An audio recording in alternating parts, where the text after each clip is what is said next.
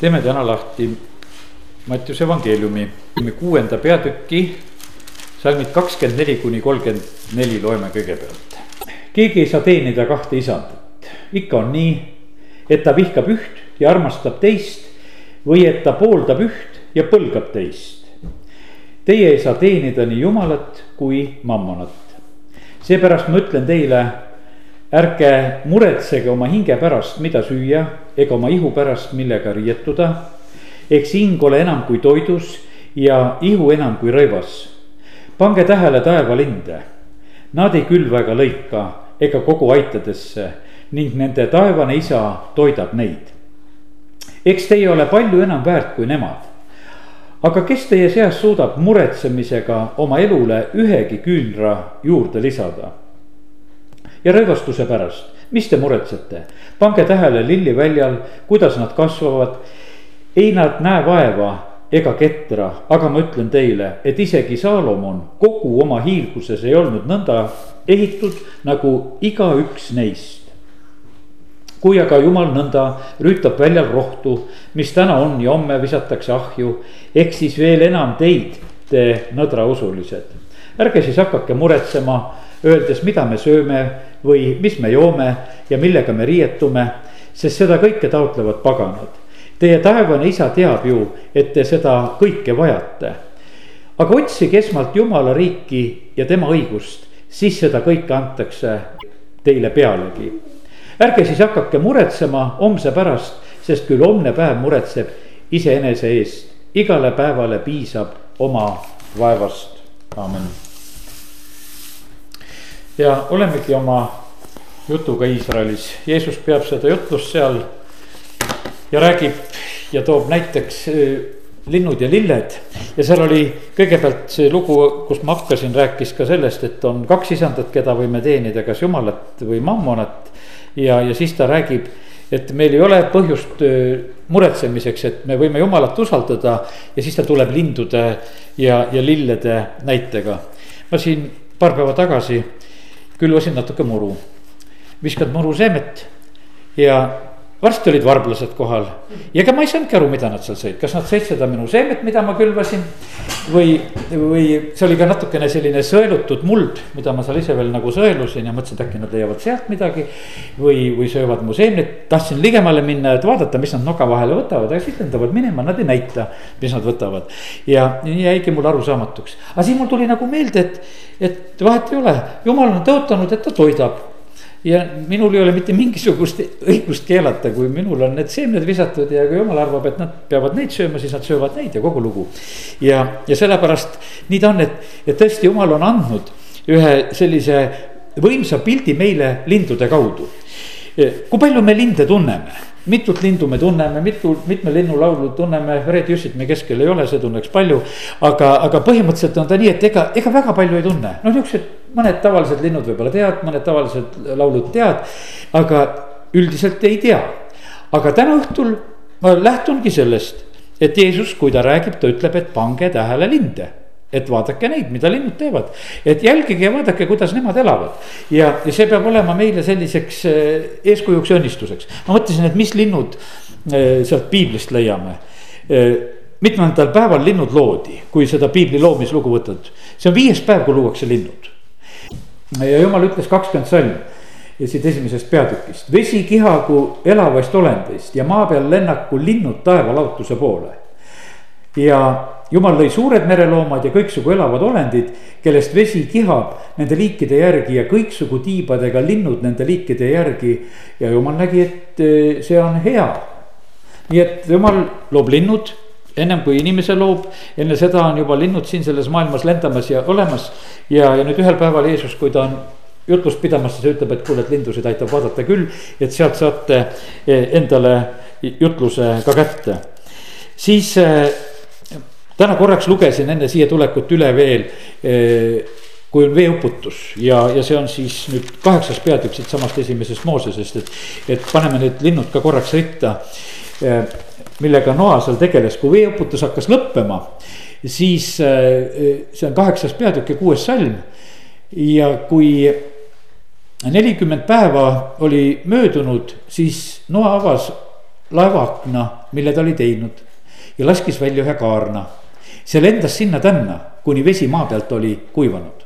ta saab ühe kaarna välja ja see, see lind ei tule, kaaren ei tule tagasi, ta jääb lendama seniks, kuni eh, vesi alaneb.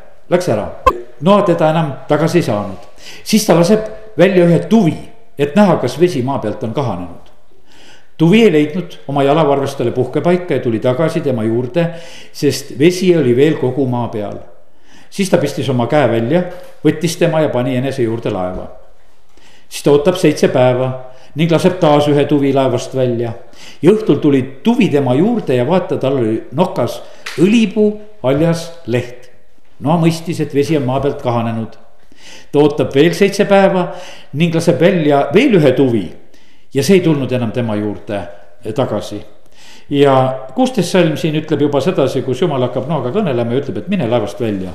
sina ja su naine ja su pojad ja su poegad ja naised koos sinuga ja, ja kõik loomad ka, et nüüd on aeg täis, nüüd, nüüd hakake minema. aga et linnud olid need, kes tegelikult äh, olid äh, siis ka selleks nagu sealt laeva pealt katseks.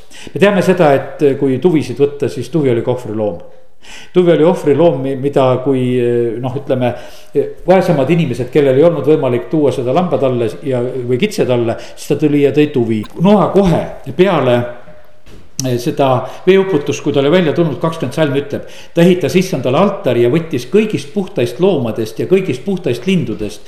ja ohverdas altaril põletusohvreid, nii et eh, kohe, sest et eh, kui noh, ei ole võib-olla meeles, aga et, et puhtaid eh, liike oli laevas rohkem kui üks paar, sest muidu on tavaliselt alati, et noh, et tulid paari kaupa. aga puhtad liigid, need olid rohkem, need olid ohvri jaoks ka sinna laeva juba tulnud.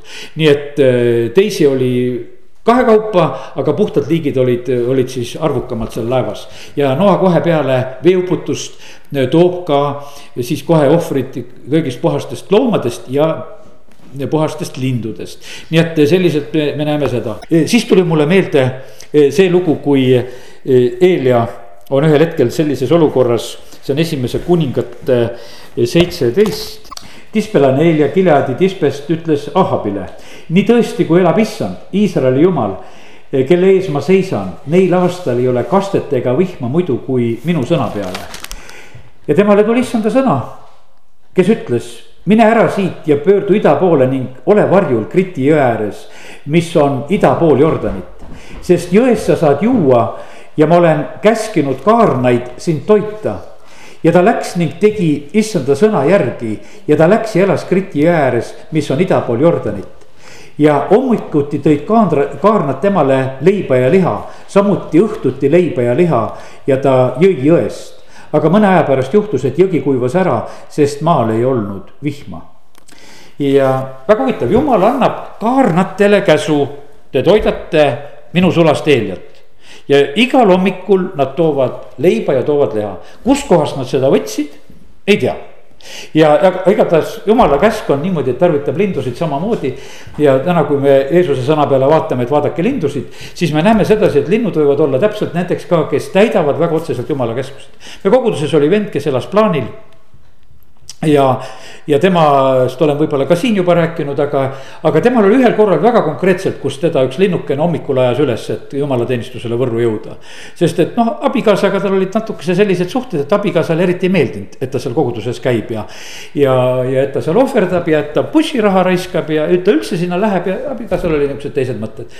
aga vend väga tahtis, naine tegi kõik, mis teha sai talvehommikutel ja niisugustel pimedamatel aegadel keeras korgid majast välja, keeras kellad valeks. ta tegi kõik, et mehel oleks segadus, et ta nagu ei oskaks ja ei saaks eh, jumalateenistusele minema hakata. aga vend magab ja siis vaatab, et üks linnuke tuleb akna peale ja paneb nokaga toks, toks, toks, toks, toks ja, ja tema taha et mis siis, et kellad valed, mis siis, et tuba pime, aga linnukene on nähtavasti õige aja peale saadetud. et ma tõusen praegu üles, panen selga, hakkan minema. ja, ja jälle rõõmuga koguduses ja räägib jälle, et kuule, näed, et nii ta oli, aga näed, ma olen siin. ja, ja olen praegusel hetkel kohal, jumal tarvitab linnukesi ka sellisel erilisel moel. ja see noh, nii ilus näide, mis lihtsalt noh, vend rääkis ja, ja sellepärast jumal võib tarvitada ja mõnele ta võib tuua vahest süüa ka aastaid tagasi, kui eh, oli oma peres oli ka küllaltki kitsas aeg, mul oli üks selline sõber, nüüd ta on teises paigas, aga. aga kes ühesõnaga ka oma puudega ja, ja ütleme, et elu hammasrataste vahele jäänud ka oma tervise tõttu ja. ja, ja elas üsna sellist vaest ja viletsat elu, lisaks sellele korjas ta Võrus prügikastidest endale toitu ja, ja täitsa sellist elu elas. ja, ja ühel hetkel oli nii, et ma noh, ütleme, ma suhtlesin temaga küllalt tihti ta kogus oma saaki, korjas pudeleid, tegi kõike seda, mis oli vaja. ühel korral mul oli võimalik talle anda üks kuurinurk, et eh, kuhu ta sai eh, seda oma kogutud saaki, sest et noh, et öösel ei saanud ju, kui sa, sa leiad kõik asjad kuskile äraandmiseks viia ja. ja ta, ta oli väga õnnelik, ma andsin talle ühe kuurinurga, ma ütlesin, et vot, et ma luban sulle, et sa saad, mida sa oled korjanud, sa saad siia panna ja siis sa saad siit jälle viia ja teha ja. ja, ja selline käis, no ta oli niisugune tugev noormees ja, ja ta, mulle see isegi nagu meeldis, ta valgustas mind, kuidas, kuidas kuidas see elu käib nende ümber prügikastide ja kuidas see käib ja.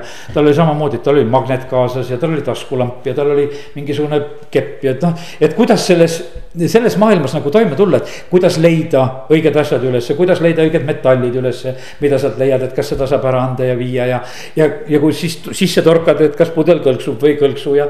ja ta õpetas ja rääkis mulle nendest asjadest ka, et kuidas ta edukas on oma alal ja kuidas need asjad lähevad. ja ma mäletan, et ühel korral eh, ta annab mulle kakskümmend viis krooni. ta annab mulle kakskümmend viis krooni ja seda oli tegelikult mulle nii tohutult vaja, sest et ega sellel hetkel lihtsalt oma perega oli see iga kroon oli nii, nii oluline ja tähtis. ja mul oli täpselt see tunne, et seekord kaarnad tõid, sest tema käis ju ja korjas selle varanduse endale kokku, niimoodi korjates ja siis mõtlesin, et jumal sina toidad ka juba mind kaarnate kaudu. et nüüd on, nüüd on kaarnad ka juba mängus, aga no see oli sihuke kahe jala peal mees. aga, aga täpselt minu jaoks oli see seekord nagu selleks vastuseks, see on nüüd kaarnate käest saadud toit. ja ma võtsin tegelikult selle sellise eh, tänuga vastu, sellepärast et ma nägin sedasi, et jumal, kui sa annad niimoodi, siis olgu niimoodi. ja, ja ma ei, ma ei pane seda mitte sugugi pahaks, ma võtan seda, kuidas sina iganes annad. ja näed, nii on, eilel on samasugune lugu, linnud toovad süüa ja sa sõltud nagu mingisugusest lindude armust. igal hommikul vaatad, et kas nad ikka tulevad või ei tule, tulevad küll, leiva ja lihaga toovad ja, ja siis juhtub veel kurb lugu, et jõgi kuivab ka ühel päeval ära, sest vihma ei ole. ja, ja siis ta peab sealt edasi minema ja ma ei hakka täna rääkima seda, kuidas jumal tema eest edasi hoolitseb, aga sellel korral oli see nõnda. tegelikult oli see nii, et see oli see aeg, et vihma sadas Eelia sõna peale. Nad täna praegu vihma sajab ja ma ei tea, kelle sõna peale, eks. Aga, aga siis oli see aeg, et vihma sadas eile sõna peale. ma usun, et teil on meeles, kes te saite Võrus kuulda venda Albertit, et ta rääkis seda ilmutuse raamatu üheteistkümnendast peatükist, seda. Nendest kahest tunnistajast, kes on Jeruusalemmast, kellele antakse see meelevald. et ilmutuse raamatu üheteistkümnes peatükk, kuues salm. Neil on meelevald lukustada taevas et nende ennustamise päevil ei sajaks vihma ning neil on meelevald vette üle Eh, muuta neid vereks ja lüüa ilmamaad igasuguse nuhtlustega nii sageli, kui, kui nad vaid tahavad. nii et, et eh, vahest jumal annab mõnele inimesele tollel korral andis Eeliale, ütles, et kuule, et praegusel hetkel on nüüd niimoodi, et, et ennem ei tule, kui tuleb sinu sõna peale. ja ega see vihm ei tulnud ennem ka, kui, kui Eelia läheb, ütleb, et eh, ma selle vihma väljakuulutamise teen nüüd ainult kuninga ees, et ma lähen kuningas Ahabi juurde. ja, ja selle vihmajutu me räägime seal maha. ta läheb, ütleb kuningas Ahabile, et nüüd tuleb sadu ja siis ta annab oma poisile tegelikult käsu, et mine vaatama, kas juba sadu tuleb. ja mis ta ise hakkab tegema, ise hakkab palvetama palvetab peapõlvede vahel, hüüab jumala poole. jumal, ma nüüd ütlesin. ja nüüd peab vihm tulema, et ärgu nüüd häbisse jäägu, et vihm ei tule. me oleme usuinimesed, eile oli samasugune nõder inimene, kes, kes pidi usus selle vihma välja kuulutama, tal ei olnud, et kuule, vaatan, et täna on sihukene pilvesilm, ma ütlen, et näed, täna hakkab saduma. seal ei olnud ühtegi pilve ja siis lõpuks tuleb üks pilv sealt mere poolt seitsmendat korda poiss läheb vaatama. ta ütleb, et üks pilv tuleb nagu mehe kämmal. Niisugune pilv juba on et varsti tuleb suur sadu. ütleb kuningale nüüd hobused ette ja põgene vihma eest ära. ja tuli tegelikult suur sadu ja sellepärast eh, see oli Eelia rolli asi. aga ka selliste, kuidas ütelda, suurte jumala meeste eludes oli tegelikult olid eh, sellised abilised kui lihtsalt linnud, kes tulid ja aitasid ja sellepärast jumal täna ka räägib meile nende lindude pildi kaudu. nii et mõned sellised linnulood olen äh, ära rääkinud eile ma tegelikult äh, lugesin rändlindudest ja mind miskipärast no nii tõmbas, ma ei tea, nihuke tahtmine, ma pean otsima ja. ja otsisin internetist endale lihtsalt erinevaid asju, et mida ma saaks lugeda, et ma, ma tahan lugeda lindudest. ja, ja siis ma tegelikult, kui ma lugesin lindudest, eh, ma leidsin enda jaoks siukseid palju huvitavaid asju. meie praegusel hetkel võime üldse palju rohkem lindudest teada, kui võib-olla mõned ajad tagasi. ma mõtlen seda, et kui ei olnud veel neid GPS-e ja, ja neid raadiosaatjaid, mis paned seal, ütleme, linnukesele külge. Eh, no sa ei tea ju, kuhu ta lendab, kui rõngastusega lind on, noh siis võid ka, et noh, et rõngastati ära. keegi teatab, et mina leidsin selle rõngastatud linnu, sain tema kätte, et, et ta oli siin Eestis, ta lendas kuskile sinna, näed. märgitakse ära, et kuule, sellise numbriga lind oli kuskil seal. ja, ja see on ka väga juhuslik selline noh, ütleme moodus, aga see lind mille sa paned juba selle saatja külge, sa jälgid teda kogu aeg sa jälgid teda kogu aeg pidevas sellises noh, asukohas, kus ta on, kas ta lendab, kas ta puhkab, kui kõrgel ta on, kui madalal ta on kuhu poole ta läheb, sa tead kogu tema teekonna ära ja sellepärast, kui Jeesus ütles kaks tuhat aastat tagasi, et vaadake lindusid, siis äh, meie praegusel hetkel nüüd kaks tuhat aastat hiljem saame seda palju paremini vaadata, sellepärast et nendel kõige parema tahtmise juures ei olnud võimalik äh, niimoodi nagu lindudest ülevaadet saada, kui meie saame. lõpuaegadel teadmine suureneb ja me näeme seda täna, et meie võime lindudest rohkem teada ja nüüd äh, natukese räägin teile lindudest. Äh, Eestit läbib äh, kaks sihukest suurt lindude rändeteed ja üks tuleb Venemaa tundratest ja, ja sealt tulevad need arktilised ranniku ja veelinnud, kes tegelikult tulevad Venemaa tundratest ja läbivad Eestit. Eestist nagu ristudes läbi kaks lindude rändeteed ja, ja teine tuleb eh, Soomest ja teistest põhjapoolsetest paikadest eh, pesitsevad linnud tulevad samamoodi, mis tulevad ka Eestist läbi. Need on nagu sellised põhilised eh, lindude rändeteed, mis tulevad. kus kohas Eestis linnud on? kui sa tahad nüüd Jeesuse sõna järgi teha, et lindusid vaadata, siis kuhu minna? Matsalu, väga õige. Sõrvesäär ütleb see tark raamat, mida ma lugesin ja, ja lood Eestis on põõsaspea neem Need on sellised noh, ütleme sellised kohad, kus sa saad minna ja seda Jeesuse sõna täita, et kui sa pange lindusid tahad tähele panna. ja rände ajal, nähtavasti maikuus vist on see kõige tihedam, siis saab kõige paremini Jeesuse sõna täita. et kui minna, siis on neid seal tohutult neid linnudusid koos, siis on juba miljonid rändlinnud on siis ka Eestis hetkel olemas. ja, ja keda saab siis vaatama minna, et mismoodi nad elavad ja, ja, ja käituvad ja Eesti on ütlevad äh, lindude jaoks siiski suhteliselt soodne äh, peatuspaik. sellepärast, et meil on veel looduses neid kohti, kus me neid ei häiri ei sega. ja ma usun, et see on jumalale ka väga meelepärast, et nendel on sellist kohta, kuhu nad saavad maanduda ja tulla. ja, ja noh, kindlasti kõige kuulsam see ongi see, mis siin öeldi, et see Matsalu rahvuspark on lindude jaoks. Eesti, Eestis asuvatest lindudest on kaheksakümmend, üheksakümmend protsenti, vabandust, on äh, rändlinnud üheksakümmend protsenti, keda me siin kohtame, on rändlinnud. ma täna hommikul Võrus koguduses ütlesin seda, et ma tahaksin seda, et, et Eestis üheksakümmend protsenti vähemalt oleksid kristlased. et, et me oleksime samasugused, et vaata, me oleme ka niuksed rändlinnud teistmoodi, koguneme, näed siin pühapäeva õhtul parve ja, ja peame plaani, kuidas taeva poole edasi lennata. aga kes ei ole rändlinnud? mul, mul on paber ees, mul on lihtne ütelda, aga keegi tahab. noh, minul on siiani tead, mis on öeldud, arakas, nurmkana, puukoristaja ja koduvarblane. et need, need on niuksed, kes on nagu sellised, need, kes üldse nagu ei rända. ja, ja paljud Eestis pesitsevad lennud, linnud on tegelikult on niimoodi, no näiteks, et, et kui meile nad tunduvad, et tihased on nagu väga meie linnud et talvel vaatad muudkui sööd, need tegelikult on talvel tulnud meie rasva sööma. sest et põhimõtteliselt üks mees uuris ja ta vaatas järgi, et oma õue peal kakssada seitsekümmend seitse tihast rõngastas ja uuris ära ja, ja tegi, tegi nihukest tõsist tööd. Ja ainult neli nendest olid siis, kes olid Eestiga seotud. Ja teised olid kõik kaugemalt tulnud pekki sööma. nii et äh, nad, nad tulid lihtsalt kohale, nii et meie vahest mõtleme, et need on nagu meie linnukesed, nad on korraks tulnud talvel meie pekikest ja asju võtma seal, mida, mida siin armastuses välja pannakse. nii et eh, isegi ka sellised linnud ja, ja sellepärast nende lindude koha pealt ongi sellised, et osad on sellised läbirändajad. ja osaliselt rändavad, osad on talvekülalised, siidisabad pidid olema eh, talvekülalised ja enamik hanesid on meie juurest, kes on, need on ainult läbirändamisel.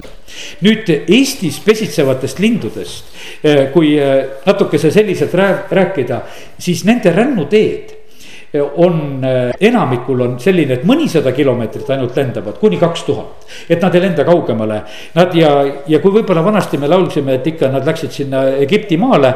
et teele, teele kurekesed ja üle mere maa ja noh, et lähevad ja, aga Eesti linnud tegelikult väga suurel hulgal lähevad Kesk- ja Lääne-Euroopasse. kõik ei lähe üldse väga kaugele, nad ei lähe mitte lõunasse, eh, vaid hoopis edelasse. ja haned, luiged, pardid ja, ja paljud sellised veelinnud, täna lihtsalt annan teile siukseid teadmisi. Need lähevad Saksamaale ja Taani ja Hollandi põldudele. nii et eh, need, need lähevad sellistesse kohtadesse ja üha rohkem praegusel hetkel jääb lindusid, jääb ka Eestisse ja selle lähe lähikonda. värvulised ja paljud teised liigud liigid jälle lähevad üle Euroopa laiali. ja, ja paljud lendavad ka siis Lõuna-Euroopasse ja Vahemere ümbrusesse. Ja, ja teate, seal tarvituvad sookured, röövlinnud, tikutajad ja värvulised. ja, ja siis noh, ütleme, et, et kaugränduritest on nüüd jutt, kui nendest rääkida. ja need kaugrändurid, kellest nüüd juttu tuleb, on suitsupääsuke, on valge toonekurg kägu, ööbik ja kahlajad ja kalakotkas ja rukkirääk ja väänkael ja piiritaja, öösoor ja põõsalinnud ja kärbsenäpid ja, ja peolöö. Need lendavad öö, siis öö, teiselt poole Sahara kõrbe ja lähevad Aafrikasse. ja teate muideks, kägu kukub ainult, kui ta siin on. kui ta sinna lendab, seal ta ei kuku. meie oma kägu kukkumisega seal ära ei tunne, kui kägu on Eestimaal, siis ta kukub, ta kukub meile, teistele ta ei kuku. nii et eh, need häälitsused kuuluvad siia, kui ta siin pesitsemas on, ta on ju tegelikult eh, noh, ütleme, et lühikest aega kägu teeb oma muna ära ja jätab teistele ja, ja ise, ise. ta suht ruttu lendab ju tegelikult kägu ise tagasi, sest et tal ei ole laste eest hoolitseda ja, ja ta peab minema. ja, ja nii, et eh, käoga on selline lugu ja aga randtiir veedab enamiku talvest hoopis Antarktika vetes või isegi Austraalias, nii et mõni lind võtab kätte, paneb siit äh, Antarktikasse ja Austraaliasse, mis lähevad siit Eestist, nii et, et selliseid asju, kui Jeesus ütles, et vaadake linde, siis täna näed. Nende abiga, kes oskavad ja on vaadanud neid linde, saame meiegi natuke neid vaadata. ja nii, et nii ta on ega need rändeteed ei ole väga selged, seal osad on niimoodi, et, et kui nad lähevad, need linnud, mis lendavad Aafrikasse ja Vahemere ümbrusesse ja, ja Lääne-Euroopasse. Nad võivad nagu teatud tee minna koos ja siis äkki nad lähevad laiali väga mitmes suunas. ja osad lähevad näiteks, sookured jäävad talmituma eh, Ukrainasse, arvavad, et seal on meie sõbrad. osad vaatavad, et kuule, et läheksime hoopis Hispaaniasse ja kolmandad lendavad Etioopiasse. nii et tegelikult need meie sookured käituvad täpselt niimoodi, et osad on Etioopias, osad Ukrainas ja kus nad meile tervitavad tervitusi toovad, noh, meie täpselt ju seda ei tea. ja, aga mille järgi linnud panevad lendu? mille järgi nad võtavad selle, et see on, no on seda, need isegi need teadlased ütlevad, et nemad ei oska ära arvata, et mille järgi linnud võtavad, et millal rändama hakata. me ka ei tea, millal lihtsalt tuleb meil, me ei tea, osad asjad on nagu varju, aga meil on, peame olema nagu valmis ja on pandud rändlindusid puuri ja pimedasse ja et tal ei oleks mingisugust päevavalgusega, mingisuguse ümbrusega kontakti. aga kui tuleb ränderahutuse aeg kätte siis on ka sellel linnul, kes on puuri pistetud ja, ja pimedasse pistetud, tal tuleb see ränderahutus tuleb peale, ta teab, et on aeg minema hakata. üks asi, mis on pikale teele minekuks väga tähtis asi, mida lindudelt õppida meie, kes me oleme, näed, jumala lapsed ja meie teekond on tegelikult igavikku. me, meil on niimoodi, meil on väga pikk teekond ees ja teate, mis linnud teevad? linnud peavad olema pikale teelekonnale minekuks, nad peavad olema terved. Nad peavad olema hästi söönud väga paljudel lindudel kehakaal võib-olla tõuseb eh, kaks korda. ja need, et oleks seda rasva ja asja, et nad suudaksid tegelikult sellele pikale rännakule minna. Nad peavad olema terved, puhanud, nad peavad olema toidetud. Ja, ja, ja sellepärast kallid, meie vaimulik elu vajab seda samamoodi ka, et me peame olema tegelikult toidetud. me, me teisiti ei saa ja sellepärast, kui Jeesus räägib ütleb, et õppige lindudest, siis mina täna õpetan seda selliselt, et, et meie vaimulik elu vajab toitu ja vajab täitsa nihukest korralikku toitu. et, sest et teisiti me tegelikult hakkama ei saa ja sellepärast on see lindudest meil eh, täpselt seda asja õppida. ja, ja millal see ränderahutuse aeg kätte tuleb, millal tuleb minna, eh, küll seda jumal annab ise teada, ma mõtlen igale inimesele ka, aga siis me peame olema ka selleks rännakuks valmis. lindudest täna räägime, mis sõna ütleb? meid kõiki, kes me näiteks, kui meie elame sellel ajal, kui issand tuleb meid kõiki tõmmatakse pilvede peale issandale vastu. ühel päeval oleme nagu linnud lendamas niikuinii, meid lihtsalt tõmmatakse, meid muudetakse ja tõmmatakse. kõik, kes on issandas surnud, tõusevad esmalt üles haudades. kui kõlab issanda hääl, issandas surnud, surnud tõusevad esmalt üles, surnuaial toimub sorteerimine. Need, kes on issandas surnud, tõusevad esmalt üles, need, kes ei ole issandas surnud, need jäävad igavest seda viimast kohut ootama ja tõusevad viimse kohtu jaoks, tõusevad alles siis ülesse. aga esimene ülestõusmine, millest piibel räägib, on nendele, kes lähevad talle pulma ja kelle rüüd on valgeks pestud, kes on usus, see on hoopis teine olukord, mis puudutab meid. ja sellepärast see lindude pilt tuletas mulle eh, tegelikult kõike seda meelde. Selleks eh, pulmaminekuks, täna hommikul rääkisin Võrus sellest pulmamineku valmistumiseks, pulmaks peavad olema põhiline asi, riided seal on nii, et riiete värk on pulmas kõige tähtsam, puhtas, puhas peenlinane, nii nagu ilmutuse raamat räägib. see puhas peenlinane riie peab olema seljas, see on särav, see on valge, see on ilus, millega me tegelikult oleme ühel päeval pulmas, piibel räägib sellest väga selgelt. ja need riided me saame siis, kui me oleme oma riided veres pesnud Jeesuse verega. Talle veri teeb meid lumest valgemaks. Ja sellepärast on niimoodi, et need on meie ettevalmistused eh, sellele eh, pikale rännakule tegelikult eh, minekuks nüüd linnud ajastavad eh, oma sellele rändele mineku väga õigeaegselt. ta rändab selleks ajaks sinna paika, kui tal on toidulaud kaetud seal teises maailma paigas ta ennem ei hakka minema, kui seal on tema jaoks toit olemas, ta läheb selleks ajaks sinna. Eh, eh, siis osad linnud on näiteks rukkirääk, et nad tulevad siis sellisel hetkel, et juba hein peab olema nii pikk, et rukkirääk saab tulla, et ta saab ennast sinna peita ja minna. nii et tegelikult väga täpsed asjad, mille järgi linnud orienteeruvad. noh see on inimeste ütlemine, et nad tarvitavad päikest, puud ja maamagnet välja ja tähti ja, ja et kõik ja, ja maamärgid, rannikud ja veekogud ja mäed. üldiselt äh, väga huvitav on vaadata lindude rändekaarti, ma seda teile praegu näidata ei saa, aga kui näed seda, kus nad rändavad, nad rändavad niimoodi ranniku ääri pidi, ega nad väga pikalt neid äh, suuri meresid niimoodi rannikust kaugele üle ei lenda. ja, ja see on äh, omamoodi, see läheb kokku üsna sarnaselt lennukite lendamisega, mida meie lennukid lendavad, kui ma vaatan seda tihtipeale flight radar, radarit, kuidas lennukid lendavad siin selles maailmas. umbes kümme tuhat lennukit on kogu aeg õhus väga suur rahvahulk on kogu aeg, istub õhus, me istume täna siin, aga osad on kogu aeg lendamas. ja, ja siis on niuksed lennutrajektoorid ja asjad, sa saad reaalajas näha, kus need inimesed lendavad ja on. ja tegelikult see on paljuski nii sarnane, et äh, kuidas linnud lendavad. no kes kellelt siis õppis, kumba te ennem olid, kas lennukid või linnud, eks, osad linnud lendavad öösel ja seal on nagu omad mingisugused põhjused ja osad tarvitavad päeva eh, söömise ajaks ja, ja, ja sellisel moel. aga teised lendavad päeva ajal, nii et eh, selliselt linnud käituvad väga eh, eriliselt. näiteks kalakotkas võib lennata tuhandeid kilomeetreid väga sirgjooneliselt, nagu joonlauda mööda.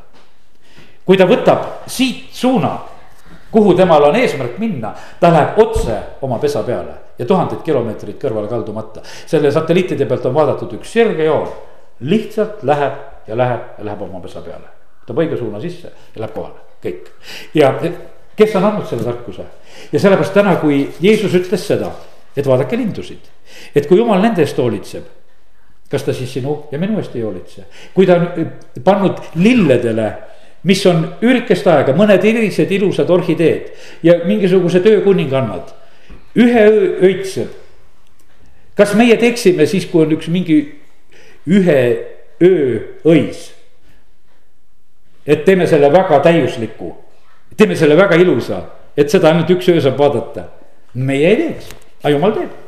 jumal ütleb, et, et mulle meeldib see, et kui kui kasvõi see on see üks öö, mis täna on ja homme ahju visatakse, et ta nõnda hoolitseb, kuidas ta tegelikult hoolitseb meie eest. ja see jutt on tegelikult eh, see lindude ja lillede jutt, mida ma täna räägin, see on meile, et meie ei muretseks, et me arvestaksime sellega, et meil on see jumal, kes on võimeline meid õigel ajal äratama, kes on meile võimeline andma neid õigeid trajektoore, kes on tegelikult meie, meile kõigis tegelikult eh, võimeline nagu abiks olema, et meie eh, võiksime ka eesmärgile ja sihile jõuda ja me võiksime oma õiget elu elada.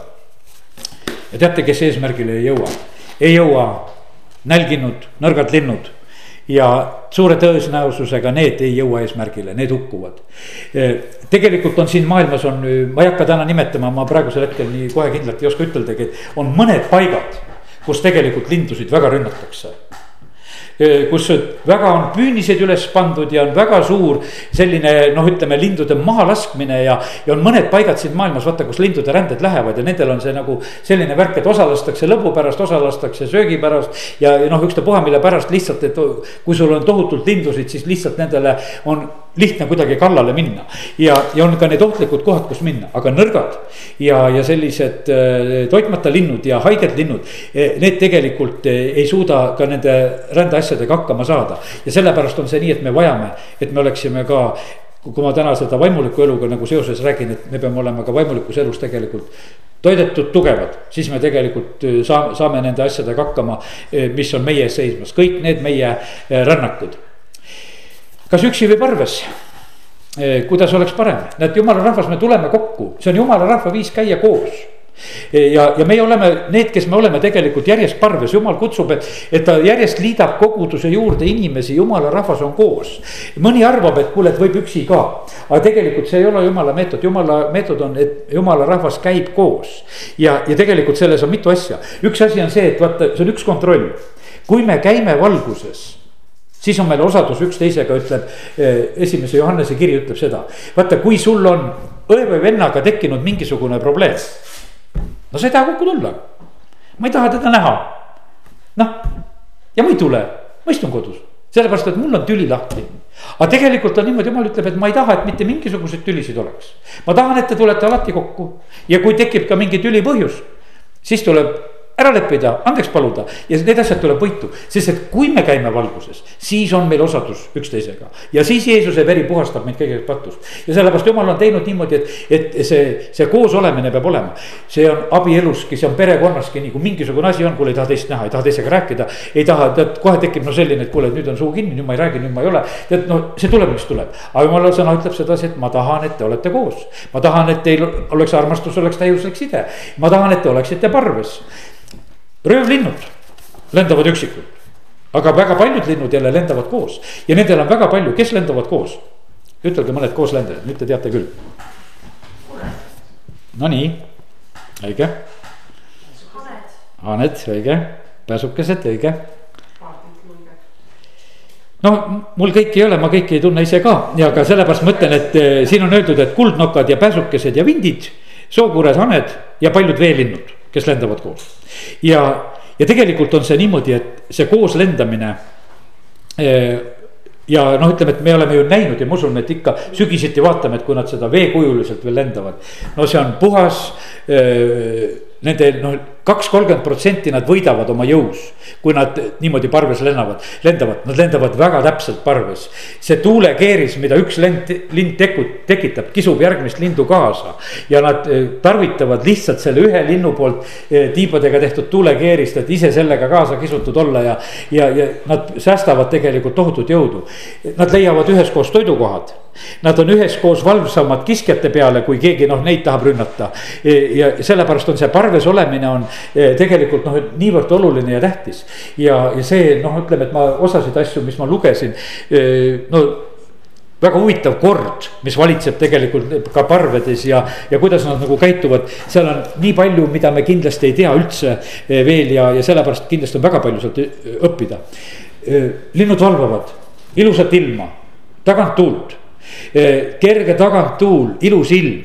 Eh, Eestisse nad tulevad valdavalt siis, eh, kas on, kui madalrõhkkonna aeg ja toob, mis toob kaasa sula ja sooja. ja sügisel, kui on kõrg rõhkkond ja mis toob jaheda ja selge ilma, siis nad lähevad. sest eks, et noh, me räägime, et need kurjad lähevad kurjad ilmad ja, ja tead, ja haled lähevad seal allad taga ja tead ja luiged lähevad lumi taga ja. ja põhimõtteliselt nad lähevad tegelikult noh, ütleme, need asjad lähevad kokku. ja sellepärast, et nad toimivad tegelikult väga täpselt kõige selle järgi, mis eh, nendele on nagu soodne ja hea no kes rändab öösel? ööbik ongi niimoodi, et kui meil ta elust ei laulab, aga ta tegelikult rändab öösel, kui ta läheb. ja, ja punarind ja rästad ja pardid, need on, kes öösel lähevad. aga toonekured ja, ja röövlinud rändavad ainult päeval. Nemad tarvitavad neid, eh, vaata soojaga tõusevad õhuvood ülesse vaata, kui maapind soojeneb, päike paistab ja siis tõusevad õhuvood, nemad kasutavad neid õhuvoogusid. ja, ja nad otsivad neid, et nendega minna. kui kõrgel linnud lendavad? ma sain eile teada, ega mina ka enne ei teadnud. kõrgemad lennud võivad olla kuni üksteist kilomeetrit, kus lennukid lendavad üheteist kilomeetri kõrgusel. ja, ja siis on nähtud kõnnukaelust, kotkast ja sookurgi ja noh, üheteist kilomeetri kõrgusel ja laululuiki on näiteks kaheksa kilomeetri kõrgusel ja sinikaelparte kuue kilomeetri kõrgusel, kes lendavad väga kõrgele, tegelikult lähevad ka lennud. üldiselt nad lendavad madalamalt, aga ja kes Himaalajat ületavad, noh, seal lihtsalt mägedest pead üle minema, et sa pead mägede tõttu nii kõrgele juba minema, et ja need ületavad ka. ja, ja linnud on suutelised mitu ööpäeva peatumata läbima korraga tuhandeid kilomeetreid. Meil on siin nii, et meil on, oleme paar tundi siin koos meil on see juba nii, et omaette väike pingutus ka, et oleme selle asja ära. lind läheb lendu mitmeks ööpäevaks ja ta ei maandu vahepeal ja ta lendab ja ta lendab ja ta lendab. ja, ja näiteks äh, ma toon siin mõne sellise näite. üks kiirusrekord kuulub äh, Eestis pesitsevale rohunepile, kes lendas kahe päevaga peatamata ligi kuus tuhat kaheksasada kilomeetrit Rootsist Aafrikasse keskmise kiirusega üheksakümmend seitse kilomeetrit tunnis, sada kilomeetrit tunnis kaks ööpäeva sada kilomeetrit tunnis järjest panna me autotki ei taha hästi vastu pidada, kui, kui sa neid kaks ööpäeva niimoodi kütad, tead, et. et no kuule, vahepeal peab ikka kapoti lahti tegema, et jahutama peaks natukese, tead, et nii, niimoodi ei saa. aga jumal on pannud nendes eh, võimsalt, siis eh, kõige uskumatum rekord aga kuulub Vöötsaba Viglele eh, üks Alaskal märgistatud lind lendas otse üle Vaikse ookeani Uus-Meremaale, läbides kordagi peatumata eh, üheksa ööpäevaga üksteist pool tuhat kilomeetrit. et eh, üheksa ööpäeva maha ei tule lendad, lendad, lendad, lendad, lendad, et eesmärgile jõuda ja, ja nii ta on. Eh, tema keskmine kiirus oli viiskümmend kuus kilomeetrit tunnis. enamasti lendas ta kolme-nelja kilomeetri kõrgusel ja, ja ta kaotas poole oma kehakaalust, nii et siin on õpetus, kuidas kehakaalu vähendada. nii et, et lendab mõni ööpäev niimoodi kõrgel ja, ja, ja saabki seda ka. nii et Jeesus ütles, et õppige lindudest ja noh, miks siis mitte õppida. ja, ja siis nii ta on, et aga osad linnud muidugi teevad need rändamistel vahepeatusi ja. ja, ja, ja teistmoodi lendavad ka ja rahulikumalt lendavad ka, aga meie issand on tõotanud, et ta kisub meid välja linnupüüdja paelust, kui ma täna rääkisin, et lindudele pannakse püünised välja, küll meile pannakse ka püünised välja. ja, ja mis ma siis piiblist leidsin veel, psalm üheksakümmend üks, kolm. tema kisub su välja linnupüüdja paelust, hukkava katku käest. jumal kisub meid välja linnupüüdja paelust. vahest võib olla see niimoodi, et me kogeme, et meile on lõks pandud kuhu meid sisse tõmmatakse. aga lindudest täna õpime seda, et issand on tõotanud, et tema kisub meid välja linnupüüdja paelust. psalm sada kakskümmend neli, seitse ütleb, meie hing on nagu lind eh, pääsenud linnupüüdja paelust. meie hing on nagu lind pääsenud linnupüüdja paelust. paelad läksid katki ja me pääsesime ära nii et tegelikult on jumal tõotanud niimoodi, et, et kui meid tõmmatakse kuskile lõksu, siis ta ütleb, et need paelad lähevad katki ja ma päästan su lihtsalt sealt välja. ja, ja Jeremia hoiatab, see on Jeremia viis kakskümmend kuus, kus ta ütleb, sest minu rahva hulgas leidub õelaid. Need luuravad kummargil nagu linnupüüdjad, seavad üles püüdepaelu, et püüda inimesi et sellised on, kes püüavad tegelikult mingisuguseid lõksusid üles seada, ärme ise siuksed oleme, et hakkame mingisuguseid lõksusid teistele üles seadma. aga kui isegi peaksime lõksu sattuma, siis sa pead seda tõotust teadma ja meeles pidama, et, et meil on selline issand, kes kisub meid välja linnupüüdja paelust, kisub välja hukkava katku käest ja need paelad lähevad katki. amin